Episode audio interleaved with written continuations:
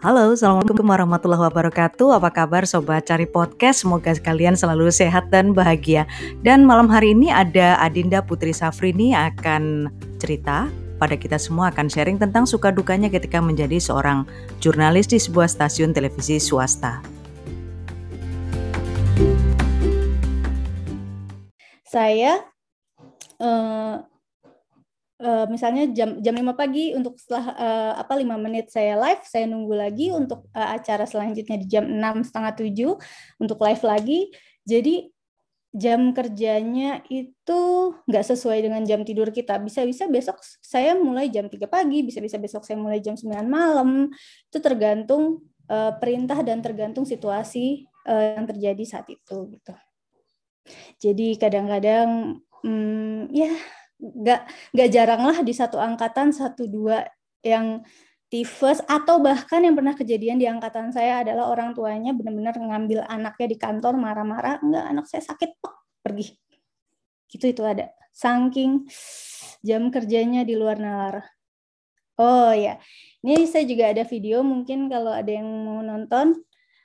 Kenapa saya menganggap uh, ini itu agak uh, bekerja di media itu sangat berat karena pressure-nya adalah kita ini berhadapan dengan uh, ratusan orang di depan. Kita ngomong kayak gini tapi kita tuh ngomong ratusan orang dan kalau kita salah kita bisa menjadi joke sepanjang masa. Karena yang nonton banyak. Jadi kita bukan cuma berhadapan sama kamera tapi di belakang kamera itu ada ratusan atau bahkan ribuan orang. Coba kita tonton dulu ya Pemirsa demikian headline news siang ini dan setelah pesan-pesan berikut kita akan bergabung kembali bersama rekan Pesi Widakuswara di studio Metro Mini. Maksud kami Metro TV Bursa Efek Jakarta. Tetaplah bersama kami. Laporan secara lisan kepada Presiden Soeharto yang menurut rencana akan datang ke Jawa Timur pada tanggal 2 November mendatang di Pondok Genggong, Probolinggo. Saudara delapan organisasi kepemudaan mahasiswa atau OKM menuntut agar komite uh, pemungutan suara Donald Trump, Donald Trump. Ya, mereka melakukan pemungutan suara. Beberapa apakah persyaratan-persyaratan itu juga memang sudah dipenuhi dari an, apa yang Anda pantau dari sana? Kan kami ada Bayu Pradana dan juga Ini yang paling baru. Makan. Kita ke Bayu terlebih dahulu. Bayu seperti apa suasana liburan di tempat Anda saat ini? Ini mana gue nggak telepon anjir? Baik pemirsa, saat ini kami kembali lagi menghubungi untuk Bayu dan juga saat Baik, jadi itu sekali untungnya ya zaman saya ya Allah rezeki deh itu belum ada terlalu banyak lah viral-viral Instagram yang kayak gini kayak gini. Karena saya juga pernah mengalami beberapa kali hal-hal seperti itu loh sebenarnya. Bayangin ketika koordinasi saya, kameramen dan juga dari studio itu nggak baik ya kayak gini nih persis kayak Bayu. Saya di saya udah di briefing sebelumnya kalau saya itu masih lanjut sampai adalah titik-titik tertentu saya lanjut ngomong.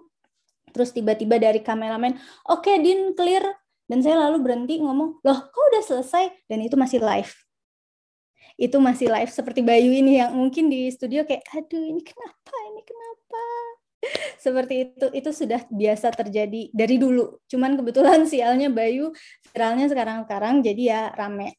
Kedua kita itu harus sesuai uh, apa uh, harus sesuai mood banget ketika kita menyampaikan berita. Saya pernah namanya menjadi uh, jokes di milis jadi evaluasinya itu disampaikan di milis mulai dari uh, pimpinan redaksi Pimret sampai cecunguk reporter dan lain-lain di bawah itu sampai editor itu ada di milis itu. It, itu gara-gara saya moodnya lagi bagus. Nah, kan aneh kan? Saya moodnya lagi bagus saya moodnya lagi bagus lalu pemirsa demikian eh, Nah, saya moodnya lagi bagus, saya itu malamnya tuh dari janjian sama orang nonton ini nonton 2.0, nonton acara ulang tahunnya Net, sudah janjian sama orang. Jadi sehappy itu, tapi yang harus saya sampaikan itu serius. Dan saya dibilangin, uh, tolong disesuaikan moodnya, ini uh, bukan berita, eh, bukan live bukan live untuk hal-hal yang menyenang apa hal-hal yang ceria segala macam gitu itu disampaikan di semua di depan semua orang gara-gara ini. Timnas Partai Golkar yang keempat baru selesai digelar beberapa saat lalu. Sejumlah keputusan terkait sikap partai berlambang beringin telah diputuskan. Adinda Safrini akan menyampaikan langsung dari JCC Senayan. Ya, Dinda, apakah Golkar sudah memutuskan mitra koalisi? Ya, betul sekali Rahma dan Taufik mem. Nah, jadi dari awal ini saya udah Timnas Partai Golkar yang keempat dari awal ini saya udah ketawa-ketawa. Itu nggak boleh ternyata. Udah senyum. Padahal kan yang namanya reporter saya pikir harus senyum terus, harus ceria terus. Nggak, nggak. Ketika yang disampaikan adalah hal-hal serius seperti politik, seperti hal-hal tersebut, itu saya nggak boleh yang namanya terlalu senyum. Justru saya harus merengut kayak kesel, kayak lagi ada masalah di hidup saya dari 20 tahun yang lalu, seperti itu. Nah, jokes aside, ini adalah advantage dan disadvantage of being a journalist ya kurang lebih seperti ini. Jadi kayak kita bisa mencoba hal-hal baru, terus habis itu ketemu orang banyak, nggak pernah boring, idea kita tuh bisa disampaikan ke orang, kita bisa mengarahkan misalnya, gue nggak suka sama sesuatu ini, saya bisa bikin orang influence untuk nggak suka ini dengan cara nulis saya seperti itu hal-hal seperti itu. Tapi consnya juga banyak loh. Saya tuh justru juga yang paling saya ingat itu pernah diusir. Wah, diusir tuh adalah makanan sehari-hari. Jadi diusir itu gara-gara mungkin mereka ada problem, tempat itu ada problem, misalnya mau ditutup nih tempat sesuatu misalnya yang mau ditutup tahu lah ya misalnya seperti apa. Atau JIS JIS waktu itu saya pernah liputan tentang JIS Jakarta International School yang masalah uh, tentang anak itu.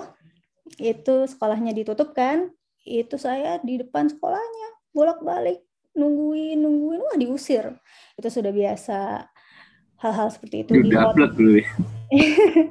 di hotel di di hotel yang ada kasus apa misalnya kematian siapa gitu nunggu wah diusir. Itu sudah biasa diusir. Ah nggak masalah. Wartawan udah biasa diusir gitu kan.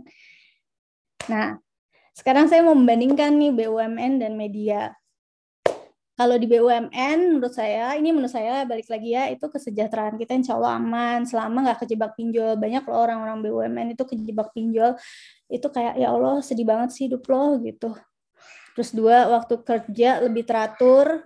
Kita alhamdulillah dengan kita hidup lebih teratur insya Allah harusnya umur kita bisa lebih panjang karena kesehatan kita lebih terjaga Terus tapi kita juga masih kental dengan yang namanya budaya ketimuran. Kalau di media itu nggak ada, jarang yang uh, masih pagi pak lagi ini selamat pagi itu nggak ada. Jadi even komisaris atau CEO dulu CEO saya waktu itu masih Wisnu Tama ya Bapak Menteri kita waktu itu dimanggilnya Mas Mas Tama ya, waktu Mas Tama lewat pun kita kayak dia dia tuh kayak pegawai biasa aja lewat-lewat aja gitu eh, nggak uh, ada nggak ada kita manggil Pak Bu nggak ada, tapi semua tuh adalah Mas, Mbak, Teh, Kang, semualah yang kayak gitu-gitu kita manggilnya. Jadi benar-benar kayak orang. Tapi budaya ketimuran yang menurut saya alhamdulillah juga di sini adalah kita masih ada sopan santun. Jadi dalam arti kalau misalnya uh, penyampaian saya masih ke hati saya itu masih oh ya alhamdulillah gitu. Kalau di uh, media yang saya alami adalah ketika saya susah mendapatkan berita, saya ditelepon korlip saya itu isinya adalah makian kayak lo kok nggak bisa dapat ya, karena kan ya namanya tekanan mau siaran ya jadi harus mendapatkan berita mau nggak mau jadi itu kayak uh, tekanan dari dari TV ke mereka itu berat dari mereka ke saya apalagi gitu. Jadi ada plus minusnya lah gitu. Terus menurut saya di BUMN juga bisa mengembangkan karir. Jadi you don't have to move around gitu. Udah cukup di satu tempat kalau mau kerja benar udah lo bisa berkarir lah di situ gitu. Nah di enaknya di media yang paling saya ingat adalah nggak seperti kerja. Jadi kerja itu terkadang seperti liburan happy asal dibawa happy itu benar-benar kayak everyday is holiday terus mencoba hal-hal baru makan gratis nyobain misalnya di tempat yang lagi hits bisa dapat gratisan uh, endorsan lah istilahnya berasa kayak artis kan ya mencoba hal-hal baru gitu Terus seperti yang tadi saya bilang, yang ketiga ini terbiasa mendapatkan tekanan yang luar biasa. Nah itu tekanan-tekanan itu uh, awalnya tuh sempat kayak kenapa sih diginiin banget gitu ya. Apalagi evaluasi setiap naik layar tuh evaluasinya tuh semua tahu gitu. Saya pernah ngomong waktu itu salah satu koruptor mantan menteri SDM dulu, saya menyebutkan bukan namanya, saya tidak menyebut Jero Acik waktu itu, tapi saya menyebut beliau. Yaelah, lidah sopan saya ini ngomongnya beliau. Ternyata jadi jokes. Oh, besok-besok uh, jur uh, besok-besok yang namanya koruptor dipanggil yang mulia yang mulia, yang di Tuan Agung segala macam itu dimilis bro, yang baca pemret sampai reporter itu gimana aku nggak malu sampai sekarang gitu istilahnya kayak gitu. Jadi tapi itu menjadi hal-hal yang indah untuk dikenang tapi tidak untuk diulang. Jadi itu menyenangkan dan saya sudah terbiasa dengan hal-hal seperti itu. Jadi ketika saya pindah ke BUMN sudah pernah rasanya dicambuk gitu. Jadi saya merasa malah lebih alhamdulillah ini lebih buat mental saya lebih alhamdulillah lah seperti itu. Jadi alhamdulillah banyak-banyak bersyukur gitu pindah ke BUMN. Sekian, thanks dari saya mantan reporter nggak jelas. Baiklah, saya kembalikan kepada Bapak Emil. Baik, terima kasih Kak Dinda. Silakan teman-teman. Ini, Umilia udah siap ini. Mau ngapain buka? Takut ring lightnya gak dipakai ini kayaknya nih. Gak glowing soalnya. Enggak. Menarik sekali, Din. Makasih ya udah sharing pagi hari ini. Memang yang ngusulin Dinda untuk tampil di sini aku ke ke Mas Emil supaya kita lebih semangat lah ya karena uh, saya saya tahu mungkin hampir semua orang satu dua minggu ini apalagi sejak ppkm daruratnya iya. kayaknya agak yes. tragis gitu ya stressful banget. Thank you Din udah sharing. Uh, ada yang sama sebenarnya Mas Emil dari Dinda dengan saya, cuma Dinda lebih terkenal ya, mungkin Dinda lebih terkenal karena dia start di uh, broadcast ya, langsung di yeah. televisi. Hmm. Jadi persamaannya adalah kita sama-sama jurnalis, uh, saya berhadapan dengan tulisan, Dinda dengan uh, kamera. Uh, tadi yang Dinda bilang bahwa mungkin di zaman saya tuh yang terkenal pelit uh, senyum itu adalah Desi Anwar ya, tapi belakangan yes.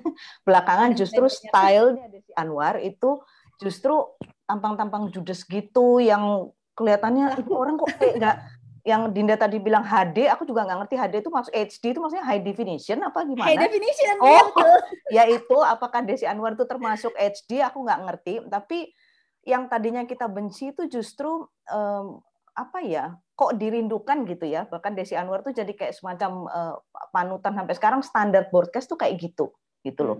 Uh, agak serius. Kemudian kita tahu kisah-kisah seperti yang dulu pernah diculik siapa din? Metro itu uh, Mutia ya? Mutia Hafiz. Iya Mutia Hafiz tuh sampai dia traumatik banget ya. Uh, dan dia setelah itu kayaknya nggak muncul lagi ya di muncul. di depan kamera tapi dia uh, behind ya politik. ya memang. Uh, dia terus kemudian malah terjun di uh, politik. Saya juga pernah ngalami yang namanya uh, slip of the tongue. Jadi kalau Dinda tadi mungkin kamera sudah on dia masih peringas-peringis membawakan acara serius, tapi kalau aku dulu ingat itu di PSA kita malah di public service announcement kita yang orang-orang kenalnya itu adalah halo-halo. Jadi yeah, kalau yeah. teman-teman tahu di kantor dulu aku sering halo-halo itu ada sebuah berita duka gitu ya karena karena aku dan beberapa teman yang biasa menghalukan berita itu biasa menutup menutup uh, informasi itu demikian kami sampaikan atas perhatian dan kehadirannya. Kami ucapkan terima kasih. Karena biasa kan rapat begitu ya. Tapi ini berita duka. Aku tuh lupa gitu loh. Bayangin aja ketika kita mengucapkan terima kasih kepada para peziarah yang udah datang gitu. Jadi uh, untung aku inget din. Jadi aku bilangnya gini demikian kami sampaikan atas perhatian dan aku seret. Aku seret kata-kata. Dan wassalamualaikum warahmatullahi wabarakatuh. Akhirnya aku tuh gitu, itu namanya begitu uh, feedernya aku turunin itu aku antara ketawa antara ya Allah sampai Mbak Anita yang diumum tuh ya selamat kon. Yo se seiling. Lah ya kita itu kebiasaan kita tuh mindset kita karena menyampaikan informasi rapat gitu loh. Hmm. ya ini sharing aja sih teman-teman. Nggak ada pertanyaan untuk Dinda karena presentasi uh, hari ini begitu menarik. Sebenarnya aku tadi mau tanya masalah kepindahan Dinda dari Eh, media ke BUMN tapi sudah terjawab ya ya ya, ya udahlah gitu. Ya udahlah. Ya udahlah. Kemarin saya coba tanya ke Hafiz Novalsyah karena jadi tamu podcast saya. Saya bilang kamu jangan jawab dari sisi material ya dari sisi ekonomi karena itu sama sekali bukan jawaban yang menarik gitu loh. Ya ya. Dan, ya kan Dit? Tapi hmm, tolong jawab itu secara kamu memutuskan. Oke okay, aku akan pindah dari net zero ke ke BUMN BUMN dan dan Hafid menjawab dengan ya masih nyerempet-nyerempet kepada ekonomi lah. Jadi kita tahu bersama bahwa kepindahan beberapa orang ke B, eh, ke BUMN kita ini termasuk si Mahesa juga ya dari Net TV itu pasti eh, faktor terbesarnya karena kesejahteraan. Jadi teman-teman ya kita syukurilah. Iya, bersyukurlah ya kita bisa hidup di BUMN. Thank you Din pagi hari ini sharingnya. Sama-sama.